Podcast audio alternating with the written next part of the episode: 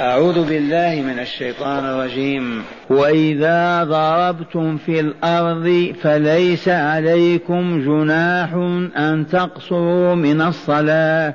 إن خفتم أن يفتنكم الذين كفروا. إن الكافرين كانوا لكم عدوا مبينا.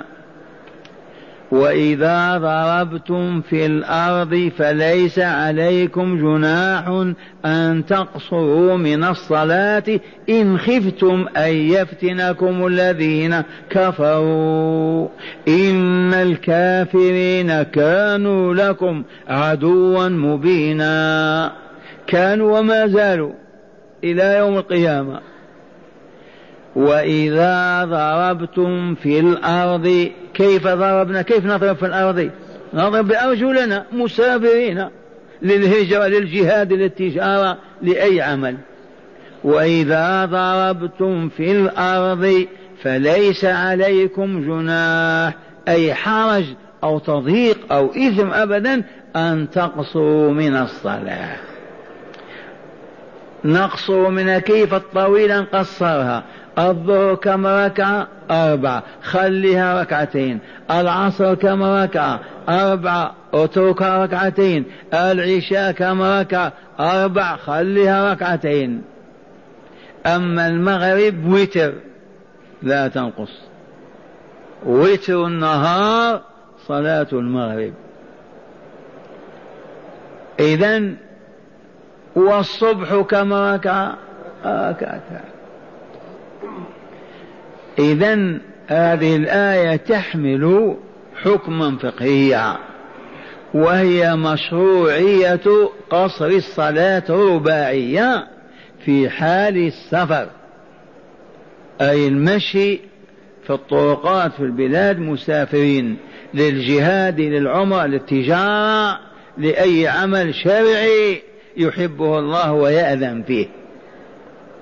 وإذا ضربتم في الأرض فليس عليكم جناح أن تقصروا من الصلاة.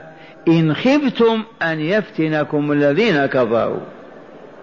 هذا زال. هذا الشرط كان وزال. لما ماذا نقول تحررت الجزيرة استقلت البلاد قامت دولة الإسلام ما بقي من يخاف. تمشي من الرياض إلى المدينة من مكة إلى نجران ما أنت خايف. فهذا وجد ثم الرسول صلى الله عليه وسلم أعلن عن عفو الله عنه.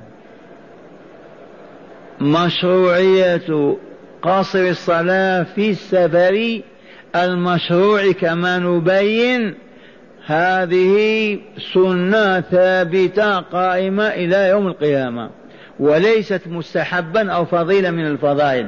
هذه رحمة الله عز وجل بالمؤمنين أذن لهم أن يقصروا الرباعية بدل أن يصلوا الظهر والعصر والعشاء أربع أربع ركعات يصلوها ركعتين ركعتين. وإن كن في أمن كامل إذا وقوله تعالى إن الكافرين كانوا لكم عدوا مبينا. هذا ينتهي هذا. كانوا وما زالوا عدوا واضحا بينا. أقل ما يحمله على عداوتك. أن يراك تسعى لتكمل وتسعد وهو يسعى ليشقى ويهلك. ما ما يحبك لهذا. الآن بعض الأوروبيين يعرف الإسلام كذا ولا لا؟ ولكن شهوته ودنياه ما تتركه يدخل في الإسلام فيتقيد بالصيام والصداقة و ما يقوى على هذا على علم. ومن ثم يحسد المسلم لأنه يدخل الجنة وهو يدخل النار. وصدق الله العظيم إن الكافرين المتوغلين في الكفر كانوا وما زالوا لكم عدوا مبينا. واضح بين. والآن عرفتم هذه الآية فيها مشروعية القصر ولا لا؟ وقلنا إنها سنة من سنن الرسول صلى الله عليه وسلم. بل بعض أهل العلم يقول القصر واجب. ويستشهد بحديث فرضت الصلاة ركعتين ركعتين ثم زيدت في الحضر وأقرت في السفر. تباتم؟ والحديث روته عائشة وخالفته بعملها. فقال أهل الملة الصحيحة المذاهب الأربعة لا وجوب أبدا وإنما القصر من سنن الإسلام. لو أتم لما بطل الصلاة ولا لما لحقه إثم أبدا. تبهتم؟ لأن الذي يقول القصر واجب لو صليت أربع قل صلاتك باطلة. زدت فيها ركعتين. والأقوال الشاذة والبعيدة والمتطرفة نحن بعيدون عنها في مسجد رسول الله صلى الله عليه وسلم. لا مذهبية ولا تعصب ولا ولا. مسلمون نطلب الطريق إلى الله عز وجل من كتابه وهدي رسوله صلى الله عليه وسلم. إذا هذا القصر سنة مؤكدة لا تتركوا يا عبد الله. يقول الرسول صدقة تصدق الله بها عليكم اقبلوا صدقته. يتصدق عليك مولاك قل لا ما نقبل؟ هذا أدب هذا من يقبل على هذا؟ هي صدقة تصدق الله بها علينا. نرضى بها ونفرح ونحمد الله على ذلك. ونصلي أربع ركعتين فقط. ثم قوله ضربتم في الأرض مسافرين وإلا مقيمين؟ مسافرين. منهم من يقول كل سفر يقصر فيه المؤمن. ومعنى من خرج من هنا إلى أحد مسافر. لما تجاوز البلد. كذا ولا؟ وسافر كما تصفر المرأة إذا أبعدت الحجاب عنها. ما يغطيه لا جدار ولا ملك كل من خرج هذا القول باطل باطل مردود. وإن كان صاحبه من أئمة الإسلام وبصائر الهدى. كابن حزم. تبهتم فالسفر الحق هو الذي يرحل فيه الإنسان عن بلده ليجتاز مسافة يوم وهو ماشي. ذاك المسافر. أما عشر دقائق وربع ساعة في البستان يقول أنا مسافر. وإن تركت الدار وراءك؟ والدليل أن أسفار النبي صلى الله عليه وسلم كلها كانت أكثر من يوم وليلة. وبعض أهل العلم الفقهاء منهم من يقول سبعين ميل أو خمسة وثمانين كيلو. تبهتم والقول الذي قلت به ورجحته وكتبته في المنهاج أنه ثمانية وأربعين كيلو. عرفتم؟ قول وسط وذي الوسطية. منهم من يقول عشرين ميل ومن يقول ثمانين أو خمسة وسبعين. ما هو الوسط؟ خمسين ثمانية وأربعين. والدليل ما هو؟ العلمي أن الميل في عرف علماء الأندلس وإمة الإسلام أن الميل ألف ذراع. الميل ألف ذراع. ألف ذراع هو كيلومتر ولا لا؟ كيلومتر كم من ذراع فيه كم متر؟ ألف متر ولا لا؟ والمتر ذراعان ولا لا؟ كل ذراعين متر. وهنا أوروبا فرنسا أخذت هذا من الإسلام. ما كانوا يعرفون الكيلومتر. عرفتم؟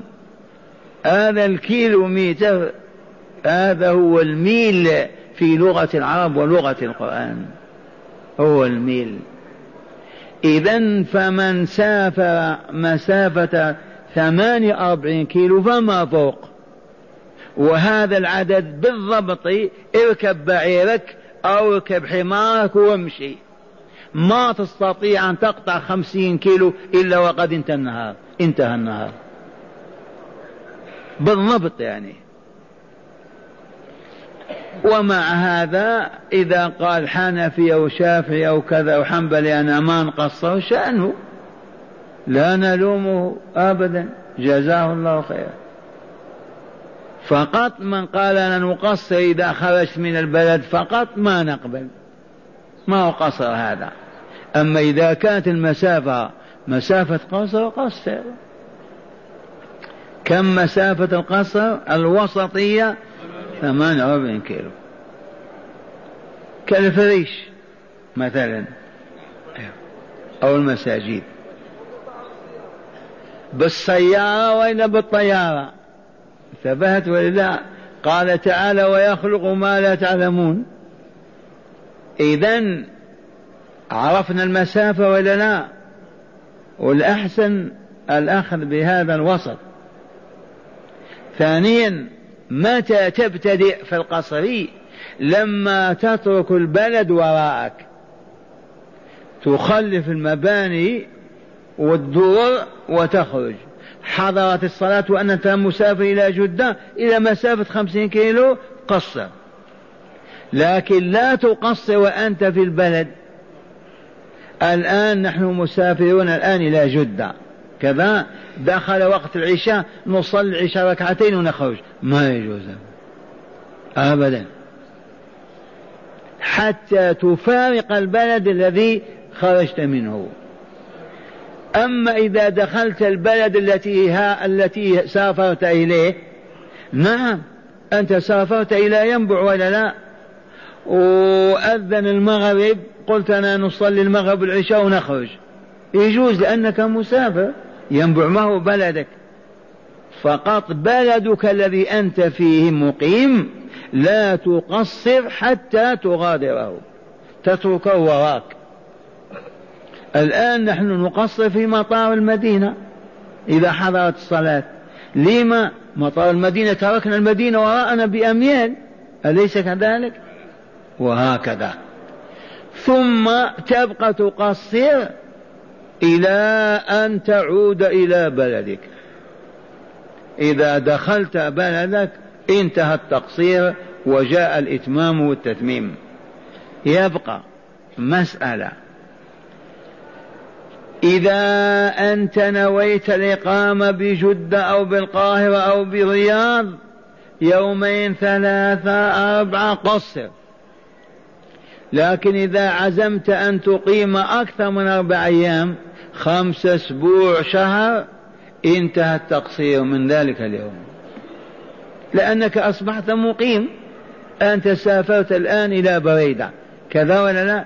تريد أن تقيم 15 يوم أو عشر أيام بمجرد ما تدخل ما في تقصير. أنت من أهلها. أما إذا كنت لا تدري هل نخرج غدا أو بعد غد هل نجد تذكير بالطائرة أو لا نجد في هذه الحال تبقى تقصر ولو شهر. وقد قصر النبي صلى الله عليه وسلم وأصحابه في تبوك عشرين يوما. وهم يقصرون. خرجوا من المدينة قصروا حتى عادوا. لما؟ لأن الرسول ما يرحل ولا يقيم إلا بإذن الله. فهو ينتظر أمر الله عز وجل. لا يدري متى يقول سافروا أو تقدموا لقتال العدو. وهذا الذي عليه الأئمة الجمهور هذا الوسط. عرفتم؟ إن هو نوى الإقامة أكثر من أربع أيام يتم الصلاة حتى يستأنف السفر ويقبل خارجا من بلده. فإن لم يدري متى يخرج غدا بعد غد غدا تأتي تذكيرة بعد غد يحصل كذا يبقى يقصر ما دام كذلك ولو عام. وهنا استغل بعض الطلبة قلدوا الأباضيين. الأباضي إذا رحل من بلده وترك زوجته وأولاده هو مسافر. ولو فتح دكان متجر عظيم يشتغل الأعوام يقول مسافر. لأن امرأتي في البلد. فأخذ هذا بعض الطلاب العلم يدرسون في أمريكا وأوروبا. قالوا نحن نقصر لأننا ما نحن أهل البلد وقد أخطأوا ويجب أن يراجعوا أمرهم. أنت طالب تدرس عام عامين تقول أنا مسافر؟ أي سفر هذا؟ إذا إذا هو نوى إقامة أكثر من أربع أيام يجب أن يتم صلاته. هذا الحكم واضح؟ قال قائل والجمع بين الظهر والعصر وبين المغرب والعشاء جائز. أنت في حر. إن احتجت إليه جمعت. ما أنت حاجة إليه ما تجمع. كونك تصلي الصلاة في وقتها أفضل لك تذكر الله وتناجيه. لكن إذا الضرورة استدعت ذلك تعب إعياء مواصلة مشي اجمع ولا تحرج. تجمع ماذا بين من؟ المغرب والعشاء والظهر والعصر. إن شئت جمع تقديم تصلي الظهر مع العصر. أو تأخير تقديم تصلي العصر مع الظهر. أو تأخير تصلي الظهر مع العصر. تصلي المغرب مع العشاء. تأخير هذا ولا أو تصلي العشاء مع المغرب جمع تقديم. الكل واسع. وراعي فيه مصلحة سفرك وحاجتك إلى ذلك.